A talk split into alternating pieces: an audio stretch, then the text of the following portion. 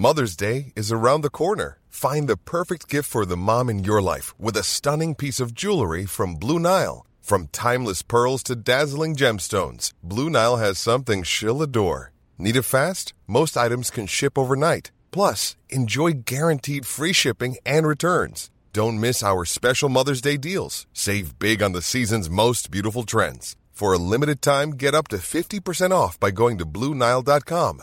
That's BlueNile.com. I'm Sandra, and I'm just the professional your small business was looking for. But you didn't hire me because you didn't use LinkedIn jobs. LinkedIn has professionals you can't find anywhere else, including those who aren't actively looking for a new job but might be open to the perfect role, like me. In a given month, over 70% of LinkedIn users don't visit other leading job sites. So if you're not looking on LinkedIn, you'll miss out on great candidates like Sandra. Start hiring professionals like a professional. Post your free job on linkedin.com/people today.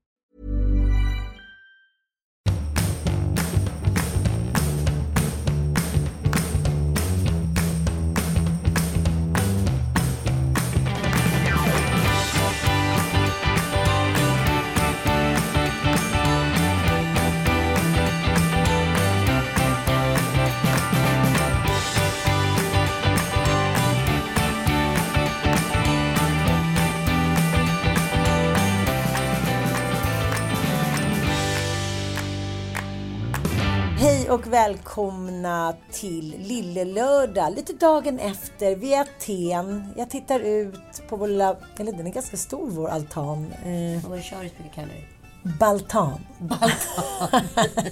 Balkong. Geniord. Ja, en, en balle och en altan. Ja. En baltan. Varför är vi här? För att dricka sangria. Nej, vi är här och eh, firandet av min, mitt 50 år fortsätter. Det tar inte slut. Du har födelsedagsåret. Du är en drottning. Det får man ändå ge. Ja. Eh, Det var också roligt att ni fick åka före. Ja, det var ju lite spännande när man då ger dig en present. Så det första du säger när du får present så här, kan vi inte åka till Madrid istället? Så det var ju sånt kontrollbehov. Och sen var det Marocko. Och sen var det Marocko. Det var mycket som inte ville åkas till Aten. Och helt plötsligt när vi då ska åka till Aten, då konstaterar du att du ska jobba. Så du får komma efter på din egen födelsedagsresa. Det är bara en person på jorden som kan liksom lyckas med det här Ja. konststycket. Tyckte det var tråkigt. Och ni låg också och sov Men när jag kom det.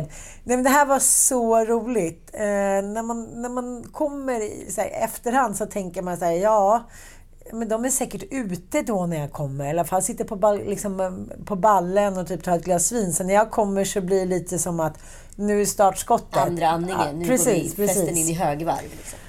Så kom jag och Peter Stewart Robinson. Eh, Det är ju också ett kapitel i sig. Ann och hennes män. Kan vi prata om det? nej, det ska vi inte göra. Vi ska, nej, men, men en nyfunnen vän. Eh, En man i varje hamn. det hör jag inte. Det här, men jag tycker att det är roligt att prata med människor. Jo, det vet vi Ja, alla.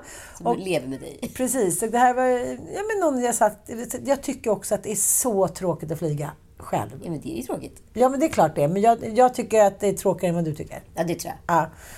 Och då för att slå sönder lite tid istället för att titta ut ett tomma svart intet så pratade jag med denna professore om allt möjligt. Film, Trondheim, han har bott där massa år. Hit och dit. Vi kommer fram och han är, så, vi delar en taxi och han undrar så här, dina kompisar, vad, vad, vad ska du någonstans? För du har också svarat lite kryptiskt när jag på flygplatsen skriver så här, okej vad är det för hotell då?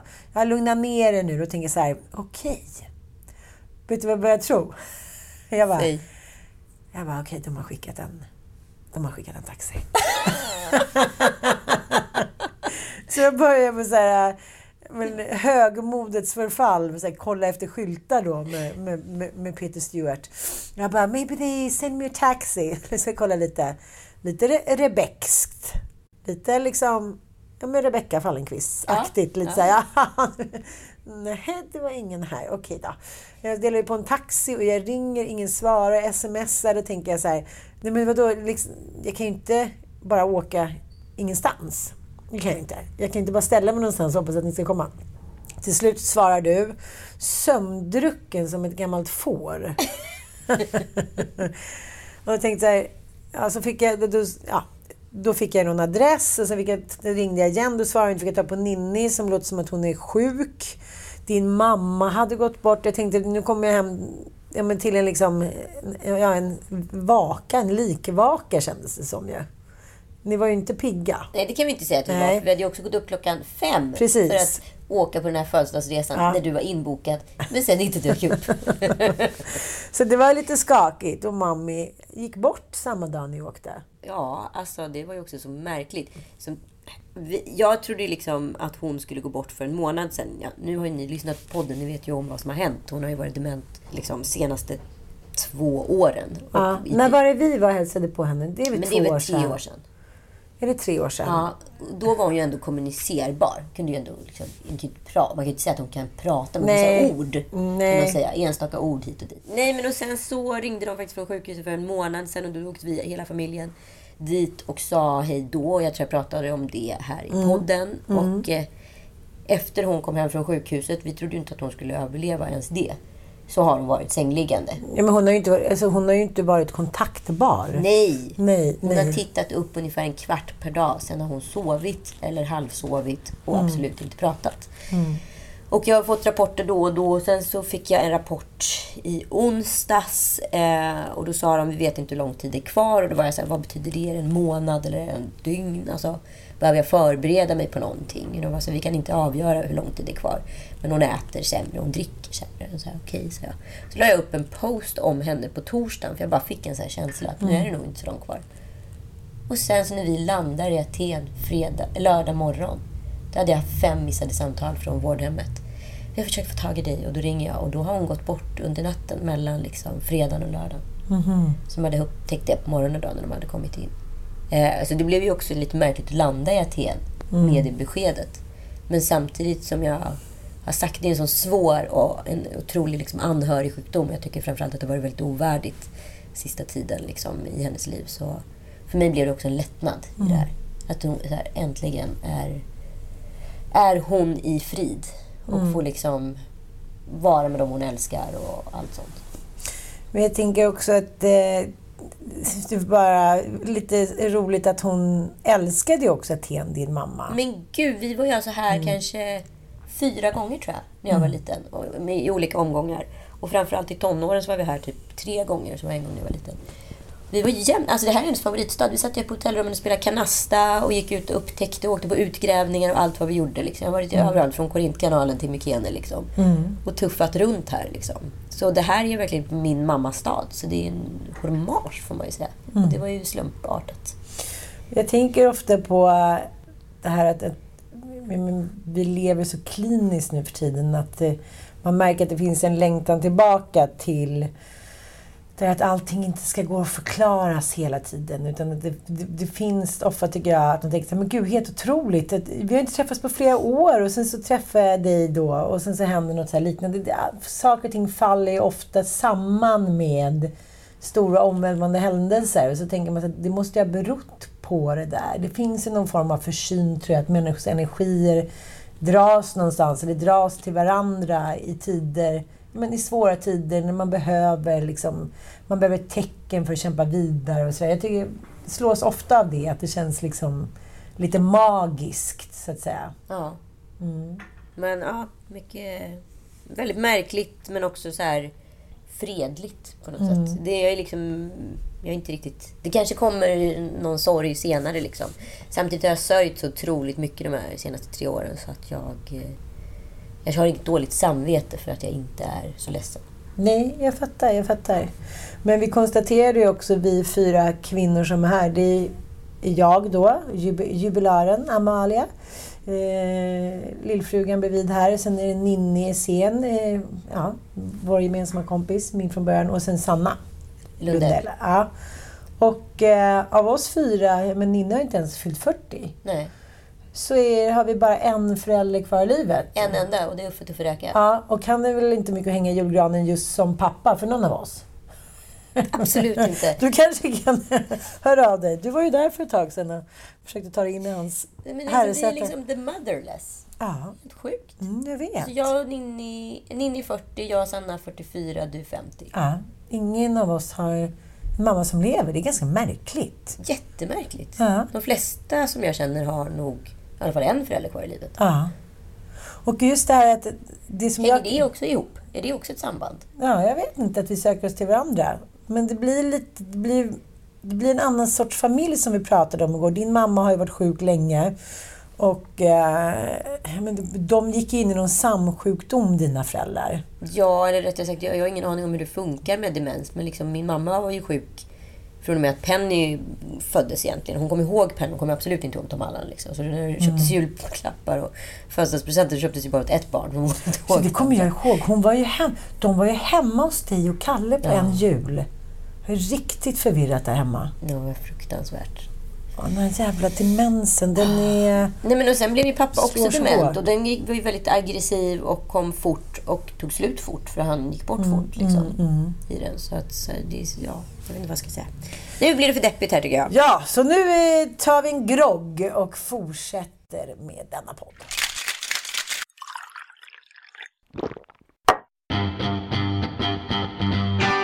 Nu eh, är vi ändå här och firar livet som jag skrev till dig på smset. Precis. Så då tycker jag att vi... eh, Ja, vi går väl in på ljusare grekiska sorpatoner.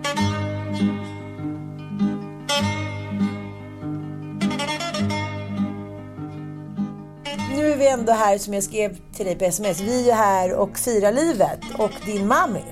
Ja, och Precis. dig framförallt frugan. Ja, mig frugan. Eh, Och det finns ju många människor som eh, ser livet från den ljusa sidan. Morgan Johansson är inte lång men det här är min sång och jag röker på min bong och jag är jävligt strong innan Mogges avgång. Jag är Sveriges gangster.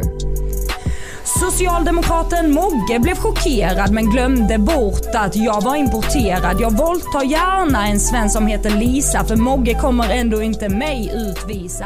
Kanske... Paret Niagu flydde i hopp om ett bättre liv. Det var andra halvan av 1980-talet. De ville bort från eh, Rumäniens kommunistiska diktatur. De kom till Sverige som politiska flyktingar och blev placerade på en flyktinganläggning i Sölvesborg i Blekinge.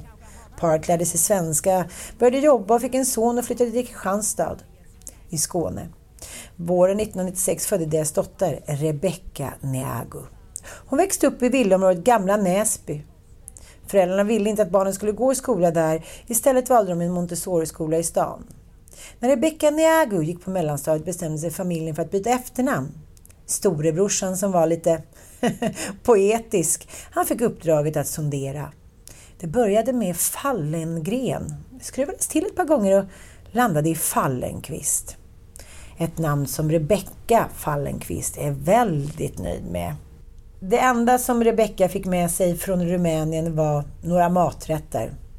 Hennes föräldrar sa till henne, du är född i Sverige, du är svensk och vi gör allt vi kan för att vara det. Det enda hon kunde härleda till sitt rumänska arv det var den låga graden av jantelag. Hon har ett hetsigt och varmt blod, kanske lite mer italienskt än rumänskt duk. Hon kan ju tända till ganska fort. Hon ser ju sig själv, hon har sagt många gånger då Rebecca, SDs programledare. Hon är deras programledare, succéprogramledare kan vi säga. Absolut. Vi ska bara understryka att deras eh, tv-kanal eh, som heter då Riks har eh, 96 000 eh, prenumeranter och på vissa videos är det över 180 000 visningar. Så att det är ju en stor kanal för SD och även Rebecca har ungefär 14 000 följare på TikTok och lite mindre på Instagram. Men på TikTok har hon upp till 450 000 visningar på vissa klipp. Eh, och vi har ju pratat om tidigare att SD har gjort väldigt välarbetat, välsmort maskineri i just TikTok och vilka var det som faktiskt de vann stöd hos? Jo, de unga förstagångsväljarna. Och jag läste en ny statistik att många ungdomar eh, fick upp till 78 procent av sin information då kring valet på just sociala medier och TikTok. Så att det är ju en otrolig framgångssaga. Om man till exempel jämför då med sossarna som kanske har spelat in fyra, fem filmer på sin lilla tv-kanal. Ja, och framförallt gått mot Instagram och, och Facebook som är liksom en mycket, redan så här, vad ska jag kalla det för, en etablerad kanal. Och det är inte liksom där kanske man primärt rekryterar nya väljare. Fast nu gjorde de ju det, just kvinnor i storstäderna. Men, men eh, SD har ju verkligen lyckats med sitt kampanjande. Det måste man säga. Väldigt så här, amerikanskt. För er som kanske inte har följt då den här eh, mediekanalen eh, som Sverigedemokraterna har. Den lanserades ju 2020. Precis. Och eh, ja, de, de har ju sagt att de hade inte ambitionen att, eh, att det, det ska inte vara parti-tv då. Nej. Eh, programledarna är ju Emmy Mikaelsson och Rebecka Fallenkvist. Precis, och sen har vi även Denise Westerberg. Precis, och den som då är allra mest populär det är ju då Rebecka Fallenkvist. Hon är rätt, eh, liksom, vad ska jag säga, quirky, lite busig, tokig, spontan. Säger som hon tycker. Det verkar vara liksom... Ja. Varför liksom succésagan Jimmy, han säger som det. Det är väl det som folk säger. "Ah, Han håller inte på med och hymlar eller byter strategi. Utan han säger som det, han står fast vid sin sak. Trägen vann. Men man måste ju säga att hon har gjort en kometkarriär inom Sverigedemokraterna. Eh, Verkligen. Precis, och hon har beskrivit det som då att hon äntligen hittade en passion i sitt liv. Hon kände som att hon kom hem då när hon började gå på deras möten. Ja, alltså nu har ju lite så här trollen kommit ut i ljuset. Det började ju redan på valnatten. När de ropade hell seger. Ah, vilken jävla härlig stund alltså. Det är alltså helgseger. Det är en segerhelg för SD. Eh, Men det är ju ett eh, väldigt likt då det här nynazistiska slagordet då. Eh, Hell seger som hon då eh, lyckas eh, på något sätt vinkla om då till segerhelg. Mm, men hon är ju bra på arslet alltså. Ja, ja visst. Ja, och det får man väl vara. Det är bara ovanligt att, eh, att ingen eh, är med där och korrigerar henne. För i vanliga fall när hon uttalar sig så sitter ju deras eh, PR-ansvarig med henne och ser till att hon inte trampar i klaveret. Men eh, det tog inte lång tid eh, förrän hon gjorde det igen då. Och eh, nu har då Fallenkvist läst Anne Franks ikoniska dagbok Ja. och lägger ut då en ja, men, liten, liten cozy bild med några tända ljus och boken. Och sen så konstaterar hon då att den här 15-åriga flickan, Anne Frank då, eh, som dog i koncentrationsläger under andra världskriget, var då sedeslös och kåtheten själv. Och eh, jag vet inte vad jag ska säga. Hon kanske inte förstår innebörden av uttrycket sedeslös. Det är inte, väldigt, det är inte särskilt många som använder just det gammelsvenska uttrycket. Men det är ungefär som att säga Hon är sköka. Ja, en slampa eller en sköka liksom.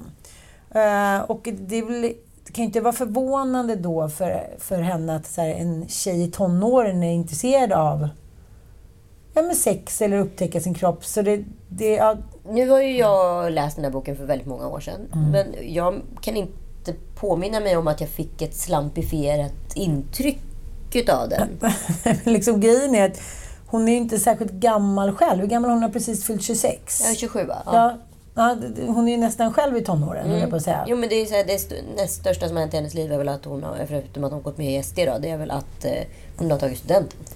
Ja, precis. Och, och då tänker jag så här, den här generationen kvinnor som syns i rampljuset och kanske inte alltså kanske inte har vuxit in i det utan ganska snabbt fått en stor plattform. Jag förstår ju att det skapar liksom en drogliknande beroende. Det gör ju det, det vet ju vi.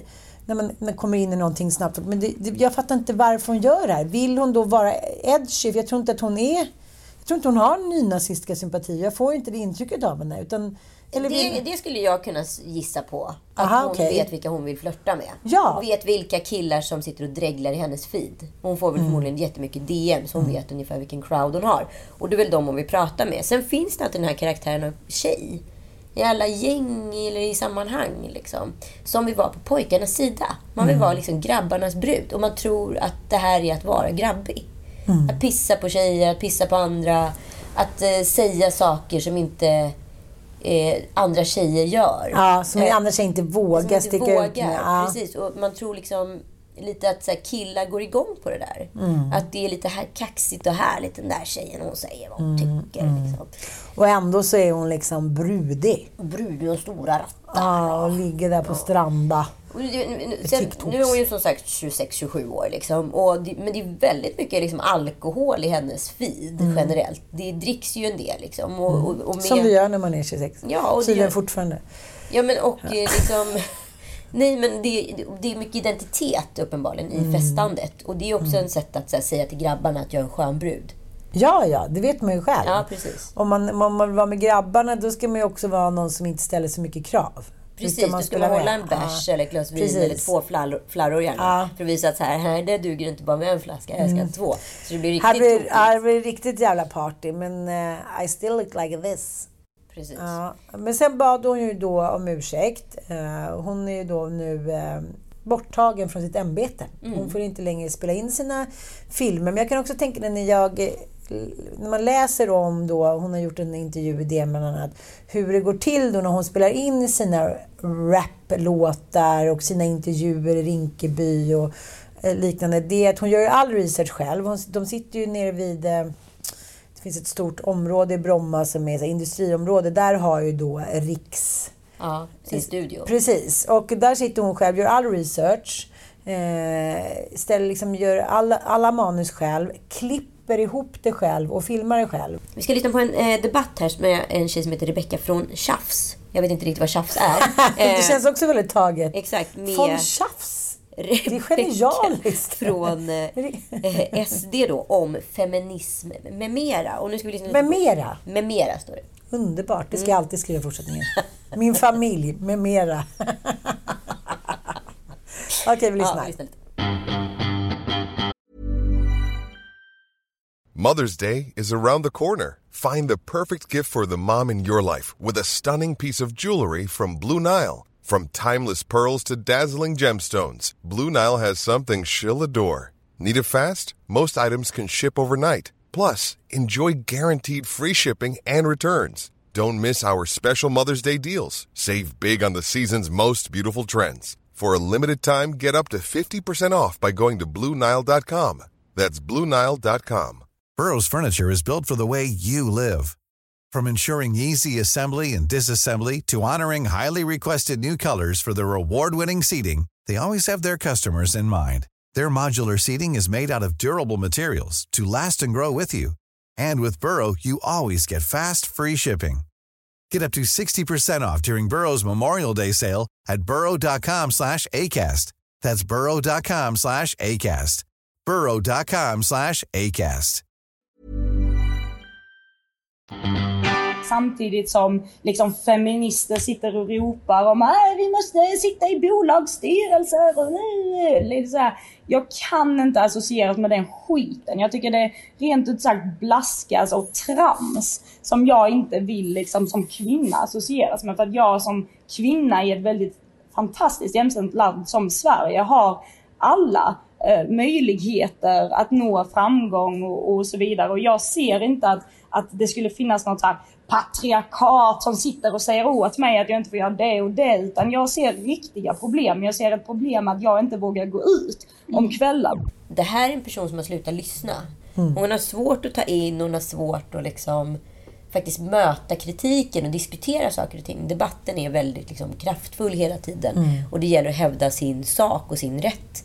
Och jag får ju ändå säga att hon är en god retoriker och liksom slagkraftig. Absolut, och hon är ju välutbildad och liksom duktig på, på det här. Men eh, det, jag, jag kan nästan inte andas när jag hör den här typen av människor debattera. För att och det påminner mig om en gammal släkting som men hon drack oftast väldigt mycket rosévin och sen lyssnade hon inte på oss. Så satt här på, på våra middagar och liksom... Här kan jag, så, gjorde jag det med nyckeln och sen så... liksom, Och det var, ingen, det var liksom aldrig någonsin som var med henne i hennes värld. Och det, det var mindre viktigt. Hon skulle få fram det som hade hänt henne och sina åsikter.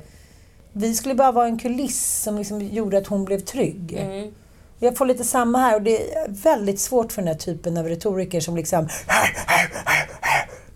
Exakt, blodhund. Och, så här, Mm. och jag försöker hela tiden, när jag lyssnar på det här och tänker på, på henne, så tänker jag, vad är berättigandet? Vad är berättigandet för det här? Um, är liksom egentligen SD-kulissen för att hon vill liksom ha, vad liksom blir den här betrodda svensken hos killarna? Eller vad är berättigandet? Liksom? Är det verkligen att SD ska vinna makten? Det känns som det finns så mycket mer för henne. Alltså personliga segrar. Så jag tror att det här med att hon har liksom blivit tagen ur tjänst, det kan vara lika med depression i hennes fall. Det är liksom identitetskris, det är allt möjligt. Liksom. Men jag tror att det här är problemet med både unga kvinnor och män som får väldigt stora plattformar väldigt snabbt. Och kanske inte har någon men, spegel eller någon som men, är bra som kan liksom, rådgivare så att säga. Att de tror, de är, hon är Rebecka är inget offer. Eh, Bianca Ingrosso är inget offer. De vet precis vad de ska göra för att få med sig hela den här massan. Problemet är att när det har gått tillräckligt många varv så gör man till slut ett misstag. Så är det ju alltid.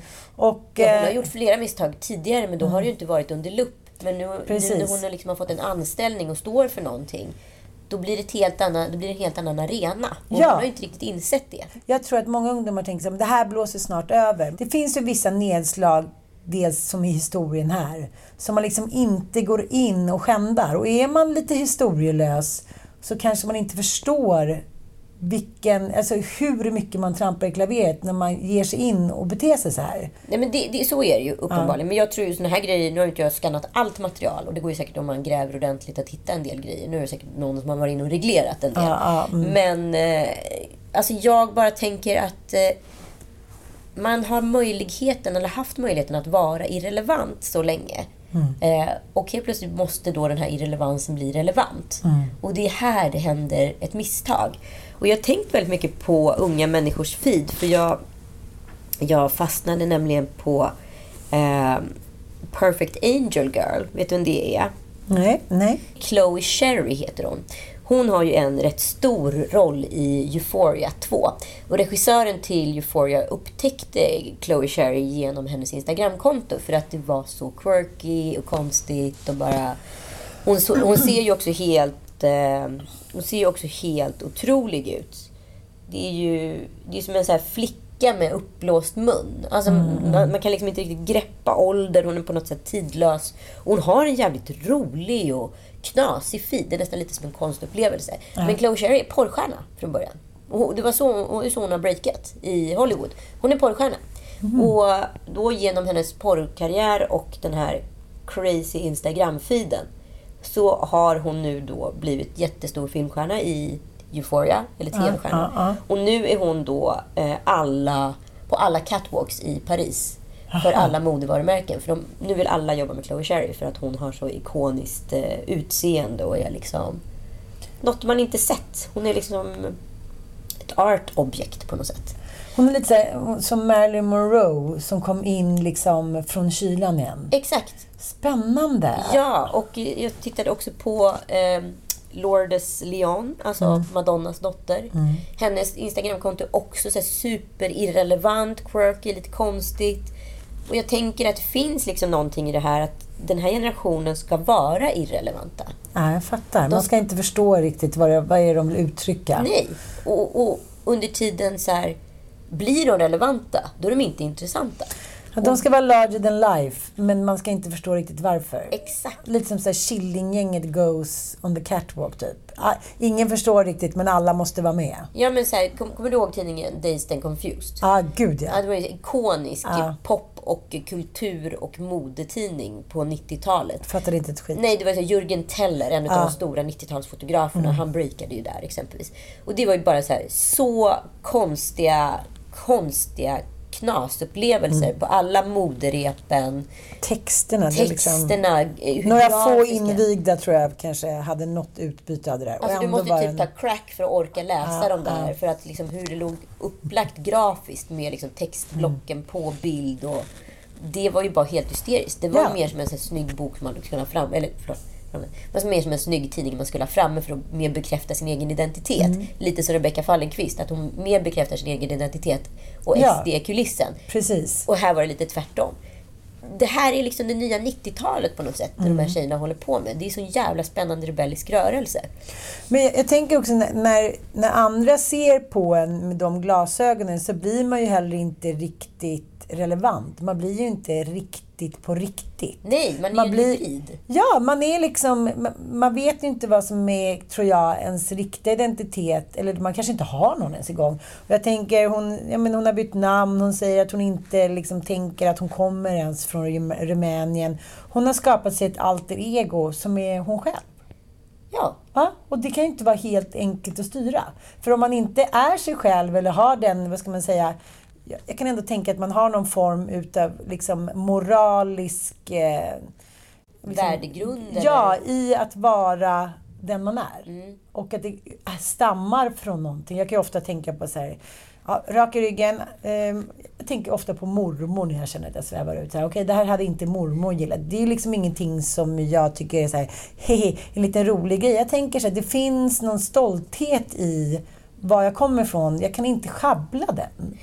Nej, men och sen Jag blir det också... låter, det, det låter det konstigt? Nej, det låter, det låter rimligt. Men jag tänker, det beror ju på vad man, kom, vad man har med sig bakåt. Men jag tänker då utifrån mitt eget perspektiv också som kommer från ett annat land. Och det var några i liksom min generation som kom från andra länder och vi agerade olika runt det här allihopa. Eh, vissa liksom omfamnade sitt arv och tyckte att det var liksom coolt och att det var en krydda i, i ens liv. Under tiden andra liksom började tvätta bort sitt arv så hårt och skulle bli supersvenskar. De, eh, jag vet en kille som är så här adopterad från Indien. Liksom. Han har så här svenska flaggan i sin, eh, i sin vad heter det, ikon på Instagram. Och fort det är liksom midsommar så är det han som alltid har fest och firar mest. Och liksom har adapt, ad, annekterat de svenska traditionerna så att det nästan blir en live. Mm, mm. Och jag vet liksom några tv-personligheter som är- vet, så här, vitsminkar sig så mycket varje gång de är på tv så man inte ska förstå att de är adopterade.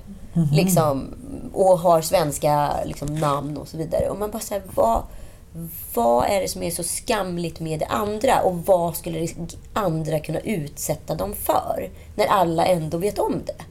Men jag tänker när man ändå tittar på Riks och där det är helt gränslöst, omdömeslöst. Man hänger ut eh, invandrare, man hänger ut brottslingar, man hänger nästan ut vem fan som helst. Och även hänger man ut sina svenska liksom, partimedarbetare, man ska säga. Då finns det också en, en risk i att vara den man är. Förstår du vad jag menar? Ja. Ett sånt stake. Och det är en annan tjej här som vi ska lyssna lite på nu. Sverige, nu får ni komma ikapp med era rasistiska lagar. För nu är sossarnas och vänsterns älsklingspolis Nadim Ghazal igång igen. Den här gången Hon har ju också någon form av påbrå. Och det, är liksom, det här ska alltså vara ett nyhetsreportage. Och hon pratar ju som att hon liksom har ett uppträdande på estetprogrammet inför klassen. Ja, hon ska ja. ha liksom en knasig teater eller enmansföreställning. Och det verkar som att så här, det är så jävla viktigt för de här personerna att tvaga, att ju högre de skriker på något sätt, ju mer tvättar de bort sin egen historia. Att det är så jävla viktigt för dem att vara historielösa. Så jag tänker att så här, det här med Anne Frank, det är liksom bara en, en grej utav många saker som hjälper Rebecca att tvätta bort en historia. Det är en tjej vem som helst som man läser en, läser en bok av, typ. Ju, ju knasigare grejer jag säger, desto svenskare blir jag. Förstår du vad jag menar?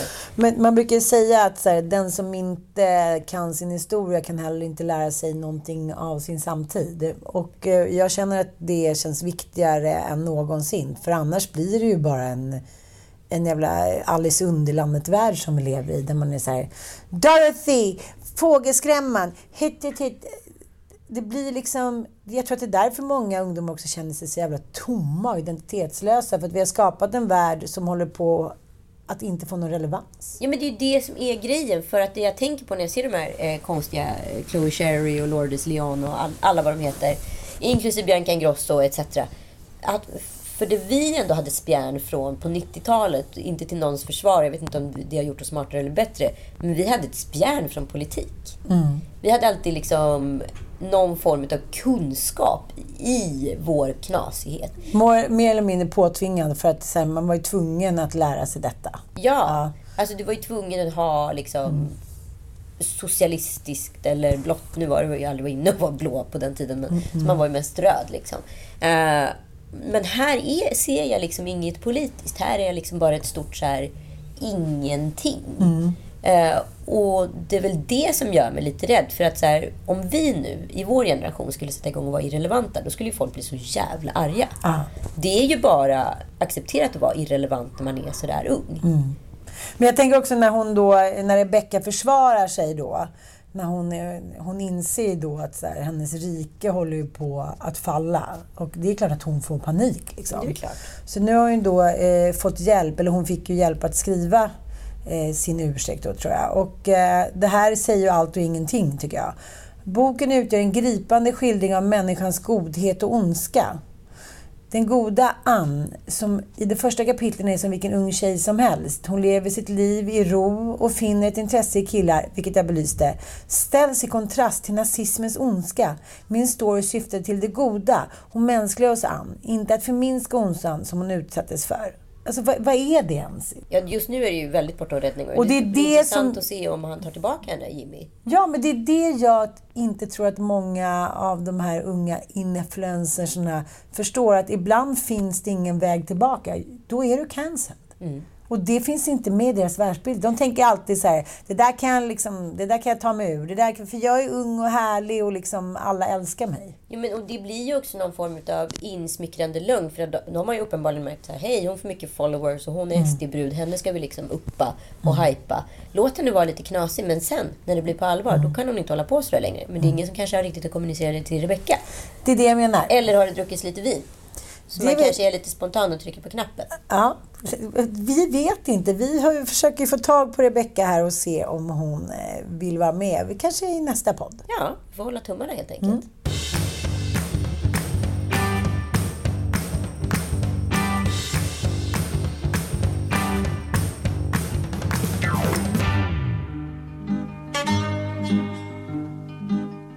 Ja, men igår så eh, var vi då i ett område här i Aten. Det är väldigt, tycker jag, ganska lätt att här, ta sig runt i Aten. Ja, men det, den är ju så ljuvlig på alla sätt och vis. Jag, nu är det liksom tredje gången jag är här på, ja, men på två år.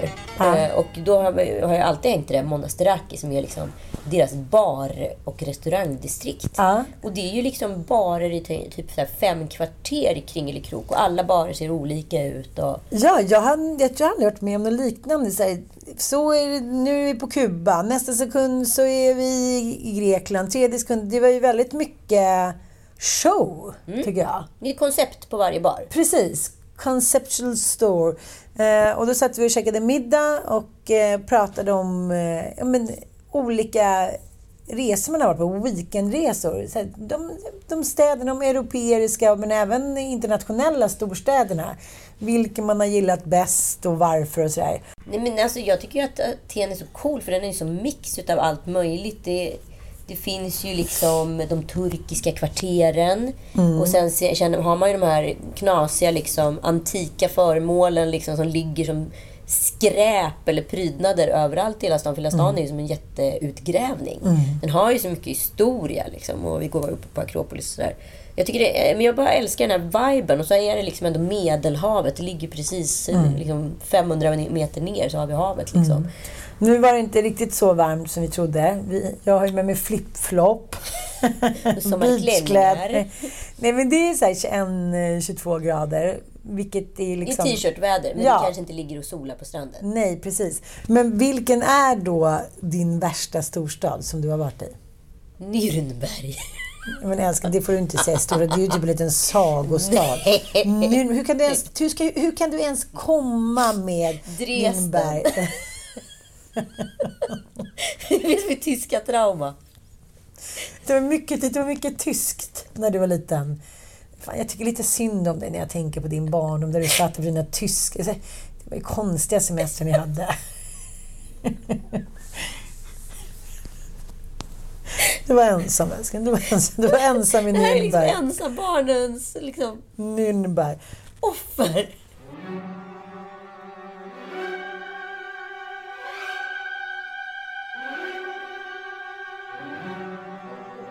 Ja, Anita. Nürnberg är en kretsfri stad och den näst största staden i förbundslandet Bayern och den största i regeringsområdet Mittelfranken såväl som hela Franken i Tyskland. Det är liksom en halv miljon invånare i Nürnberg.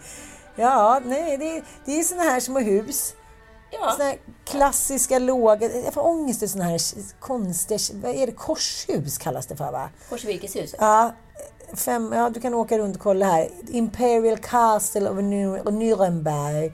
Det är liksom inte så snofsigt. Det är lite det är ångestladdat. Här är det, är, många... alltså, alltså, det är många städer i Tyskland som är lite ångestladdade. Ja, som ja. bara känns som så här. Gud, det här är liksom området som Gud glömde. Ja. Jag kommer ihåg att det var en sån här häxdistrikt. Det, var, det påstås då ha funnits mycket häxor och en massa häx, häxbränningar där. Okej. Och det var så jävla konstig känsla i hela den stan. Ja, ja, det sitter ju kvar. Ja. Det sitter alltid... Med mycket krullhåriga ta- män på tavlor och små plätt hattar. Och det, Ja, liksom- okej, vi kan släppa Nürnberg. Ja. Vilken är din värsta stad? Nej, men jag vet inte. Man har ju varit i en del faktiskt ocharmiga danska städer. Faktiskt. Ja, det, det är lite märkligt. Odense. Ja, precis. Ålborg. Ja. Ja. Nej, nej. Ja, det, det kändes konstigt att säga det, men, men eh, det, det var väl inte... Och så som de där tyska städerna som man har åkt igenom och stannat på någon autobahn. Rastplats. Ja, rastplatserna på autobahn. Alltså snälla, bara ta, jämna dem med marken och börja bara om. lukta bajs med halva. För att, för att det finns någon sån här jävla äcklig, överfylld gammal så här to, alltså vägtoa som Ja. ingen liksom, känna någon kärlek till för att städa. Och det är också de här små autobahnhotellen. Jag tänker att det så här, måste vara lowest of the low. Att behöva städa Ja. rastplatstoerna på Nej, längs autobahn. Och när man inte riktigt bryr sig, eller oj, en korv kom lite vid sidan om. det är ju så vi har också här. Man ska inte ha diarrhea på det här Men varför hotellrummet. tänker alla med när de gör hotellrum med så glasdörrar som inte också är liksom helt frihängande? Så det inte går... Det, finns liksom, det är liksom en centimeter runt omkring hela dörren. Det betyder Ja. att alla vi vet vad som pågår där inne. Det osar också ut. Ja, exakt.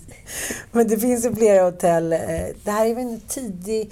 så här 2010-grej? Eller, Ja, ja, ja, absolut. Ja, men kom ihåg när jag och Mattias och skulle bo på Miss Klara. Där har de inte ens försökt frosta lite utan där är det bara så här. This is your... Det här, här är din scen. Liksom. Det är helt öppet med badkar och bajserian och allting. Men jag tänker så här, det här måste vara manliga arkitekter. För det är också så här, många badrum som gjordes på den tiden där det var så här softat ljus in i badrummet. Man bara, Mm. så, men det är ingen kvinna som ska sminka sig här inne. kommer ut Kommer ut och- clownen från Minsk. Exakt. Och sen så är Du var inte den jag trodde du var älskling. Så tänker jag att jag tar en glasdörr och sätter här för då kan man se hur sexig den andra ser ut i duschen. Ja. men också så här. Man är inte sexig i duschen, ett. Nej, nej. Nummer två, jag vill inte att min partner kan sitta och titta på mig och jag ligger lider parad Nej. jag sitter och skiter. I'm so sorry. Jag har kommit på en stad nu älskling. Har du kommit på det? Ja. Eh, I ett land som jag för övrigt älskar, Skottland. Ja. Jag var ju där och dök efter eh, det stora sjöodjuret. Allah Ness. Men det är ju klart du har. Alltså du är så oväntad människa. Vem är du? Varför har vi aldrig pratat om det här?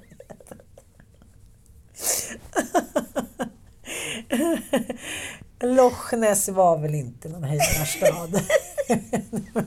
var den faktiskt inte älskling.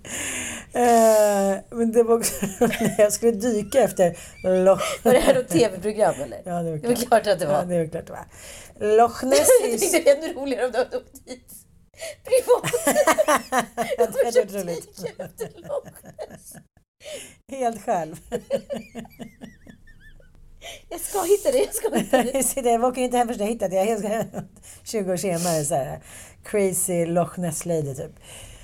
Nej, men själva den innerstan var väl kanske inte så att vi jublade i korongen. Eh, mycket liksom arbetslöshet och eh, stängda eh, pubbar, eller vad ska man säga, lite immiga pubbar. Men då skulle jag ju, jag skulle dyka så jag var ju tvungen att eh, ja, men, men, prata med den lokala dykklubben.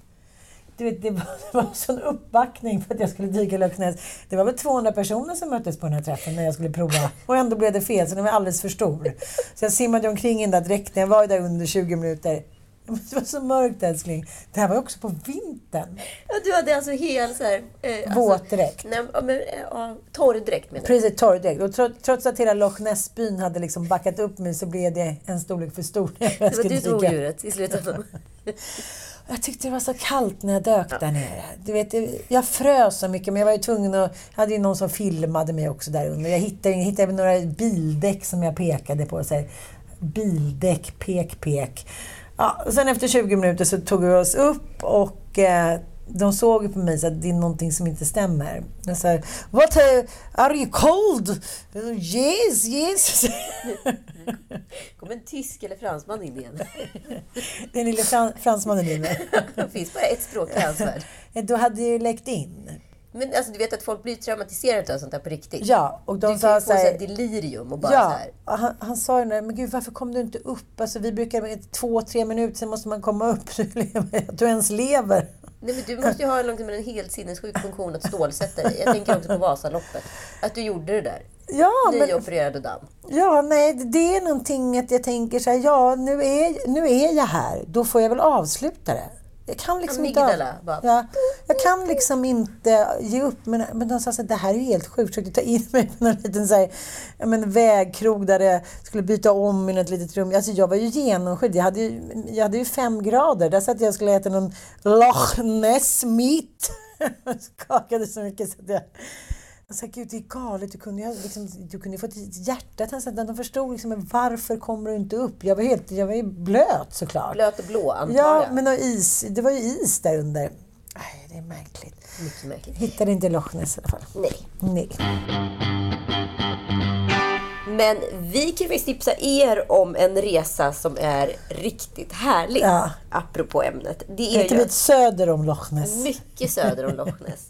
Det är nämligen så att Lille Lördag tillsammans Mm. med Go Active ska alltså åka till Palma, Mallorca. Mm. Den 20 till 23 maj nästa år. Och eh, hotellet heter Hotell Feliz Palma. Och vi vill alltså åka på en träningsresa med er som lyssnar. Mm. Vore inte det jättekul? Det var otroligt kul. Men nu, nu låter det som att vi, vi bara ska träna. Vi kan väl göra andra grejer också under de här dagarna. Ja men absolut. Vi ska äta middagar och det kommer också ske en livepodd som blir bara exklusiv för er som är med på resan. Det är sjukt mycket roliga liksom, aktiviteter som vi kan göra på under den här dagen. Vi alltså tränar, man eh, äter tillsammans och sen så har vi också liksom den här livepodden. Gå in på Go Active så kommer ni till den här resan. Ni kan kolla på deras Instagramkonto. Eller så går ni in på Lille Lördag Podcast så kommer ni se en länk till den här resan också. Jag hoppas att ni följer med. Ja, vi ska väl bada också? Ja, men det är väl klart Ja, vi ska. det är är det maj. viktigaste av allt. Ann, Ja, det har hänt en grej. I Vadå? Kardashians. I know. You told me all about it, but you showed me as well. Ska vi lyssna? Ja, det gör vi. Det är faktiskt väldigt, väldigt spännande. Are you doing this surgery? I am. The doctor saw my MRI results and he said, You need a hip replacement right away.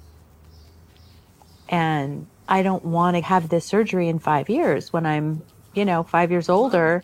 And then you can't really heal as well. You heal better when you're younger, obviously. Yeah. So Till att börja med måste jag bara ge Kardashians en stor eloge. Det finns inget program som kan dramatisera det mest banala på det sättet som de kan.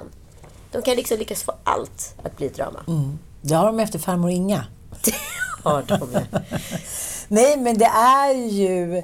Men tänker inte du ibland när du är hemma hos vissa familjer eller liksom med vissa gäng? Så tänker man så här, nej men när kommer, när kommer liksom den riktiga fasen? Så här, vad är det som... Vad är dramat? v- Vad är dramat? Vad är poängen med dramat? Men det kommer aldrig. Men de, de är så skickliga på... De har under så många år på något liksom förfinat den där egenskapen att så här, man skapar drama om vad fan som helst. Mm. Och nu ska ju då Chris Jenner då höftledsopereras. Ja, men det framställs ju som att hon... Nej, men det är kanske en procents chans att hon kommer vakna efter den operationen. Det är så det framställs. Mm. Ja, gud, ja. Och nu kommer ju, kopplas ju allt på. Det är ögon, det rinner i ögat. Det, det är inte många Det- dagar det, kvar nu. Nej, det är ett knä som håller på att paja också. Ja, just det, just det, just det. Ja. Ja, det är inte många dagar kvar nu. Nej, och på hon jorden börjar liksom... Kim säger lite senare i det här inslaget att så här, It was like my mom had a jar of balls and suddenly there's not so many balls left. Ja. ja. För den här höftleden. Ja. Ja. Eh, så det är liksom... Det är, det är starka scener. Det är starka scener. Det På det sättet de tittar på sin mamma, alltså med, med den blicken så här, det är över, vi har förstått nu, liksom, hon kommer inte klara det här. Det är väldigt sällan jag har tittat på någon människa överhuvudtaget med, med den oroliga blicken. Ja, men... eh, Ja. Ja. men det, det var inte det, dit jag skulle Nej. komma till. Det som händer i programserien då, det är att Chris Jenner då ska åka in och ta den här höftledsoperationen. Mm. Chris är ju ungefär 22 år, eller tror jag, än hennes sambo Corey. Mm. Eh, och Corey är i eh, våran ålder, eller min ålder. Eh, och eh, då tänkte jag ändå på förlängningen utav det. Kan man fortsätta tända på någon som har genomgått en höftledsoperation. Och så fick jag panik då. För då jag tänka på när Joel ska följa med mig in den dagen. Det kommer ske. För det kommer ju ske. Ja, Med stor sannolikhet. I Sverige genomförs ju över 16 000 höftledsoperationer per år. Ja. Det är alltså ett utav, det är det och typ någon annan så här lårbenshals. Det är typ de vanligaste operationerna som görs.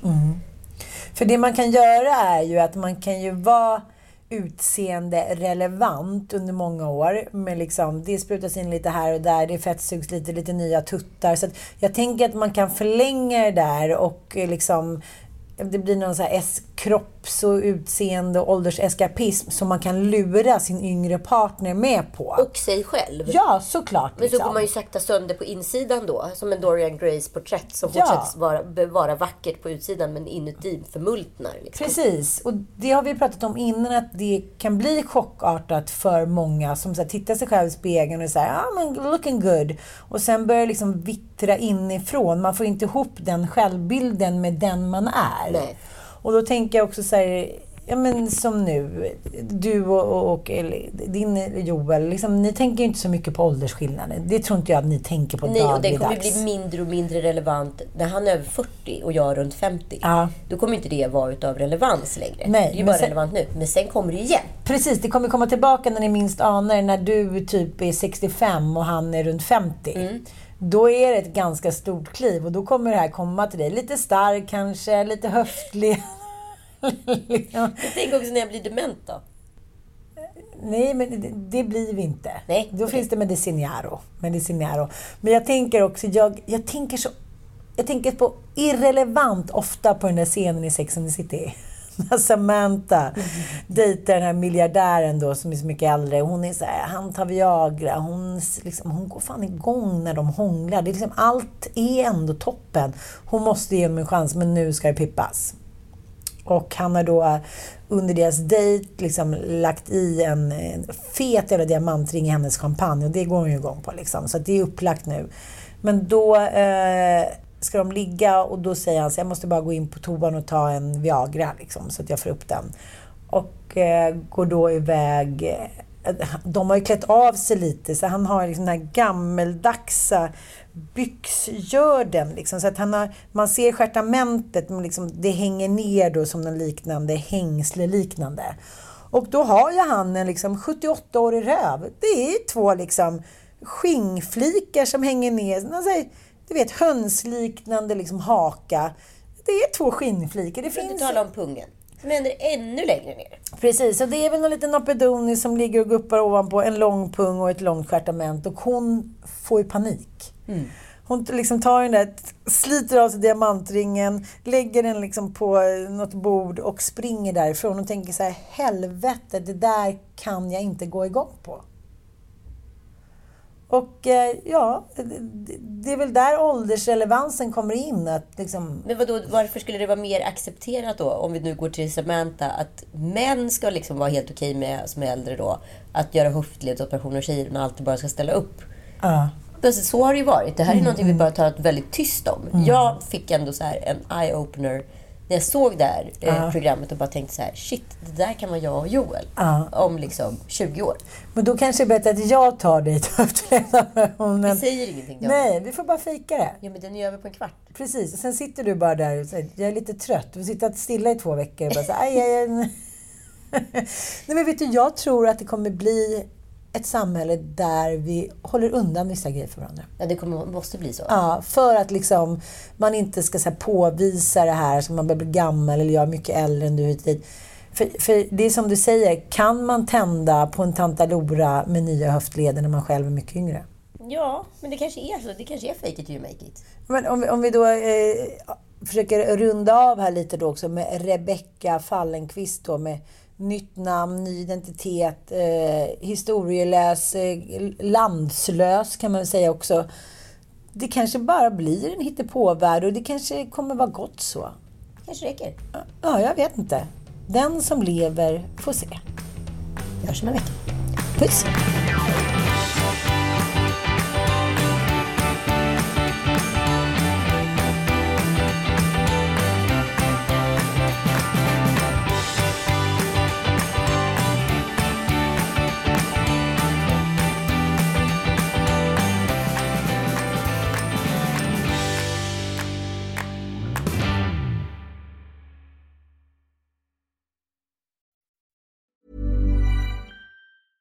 Want flexibility? Take yoga. Want flexibility with your health insurance? Check out United Healthcare Insurance Plans. Underwritten by Golden Rule Insurance Company, they offer flexible, budget friendly medical, dental, and vision coverage that may be right for you. More at uh1.com.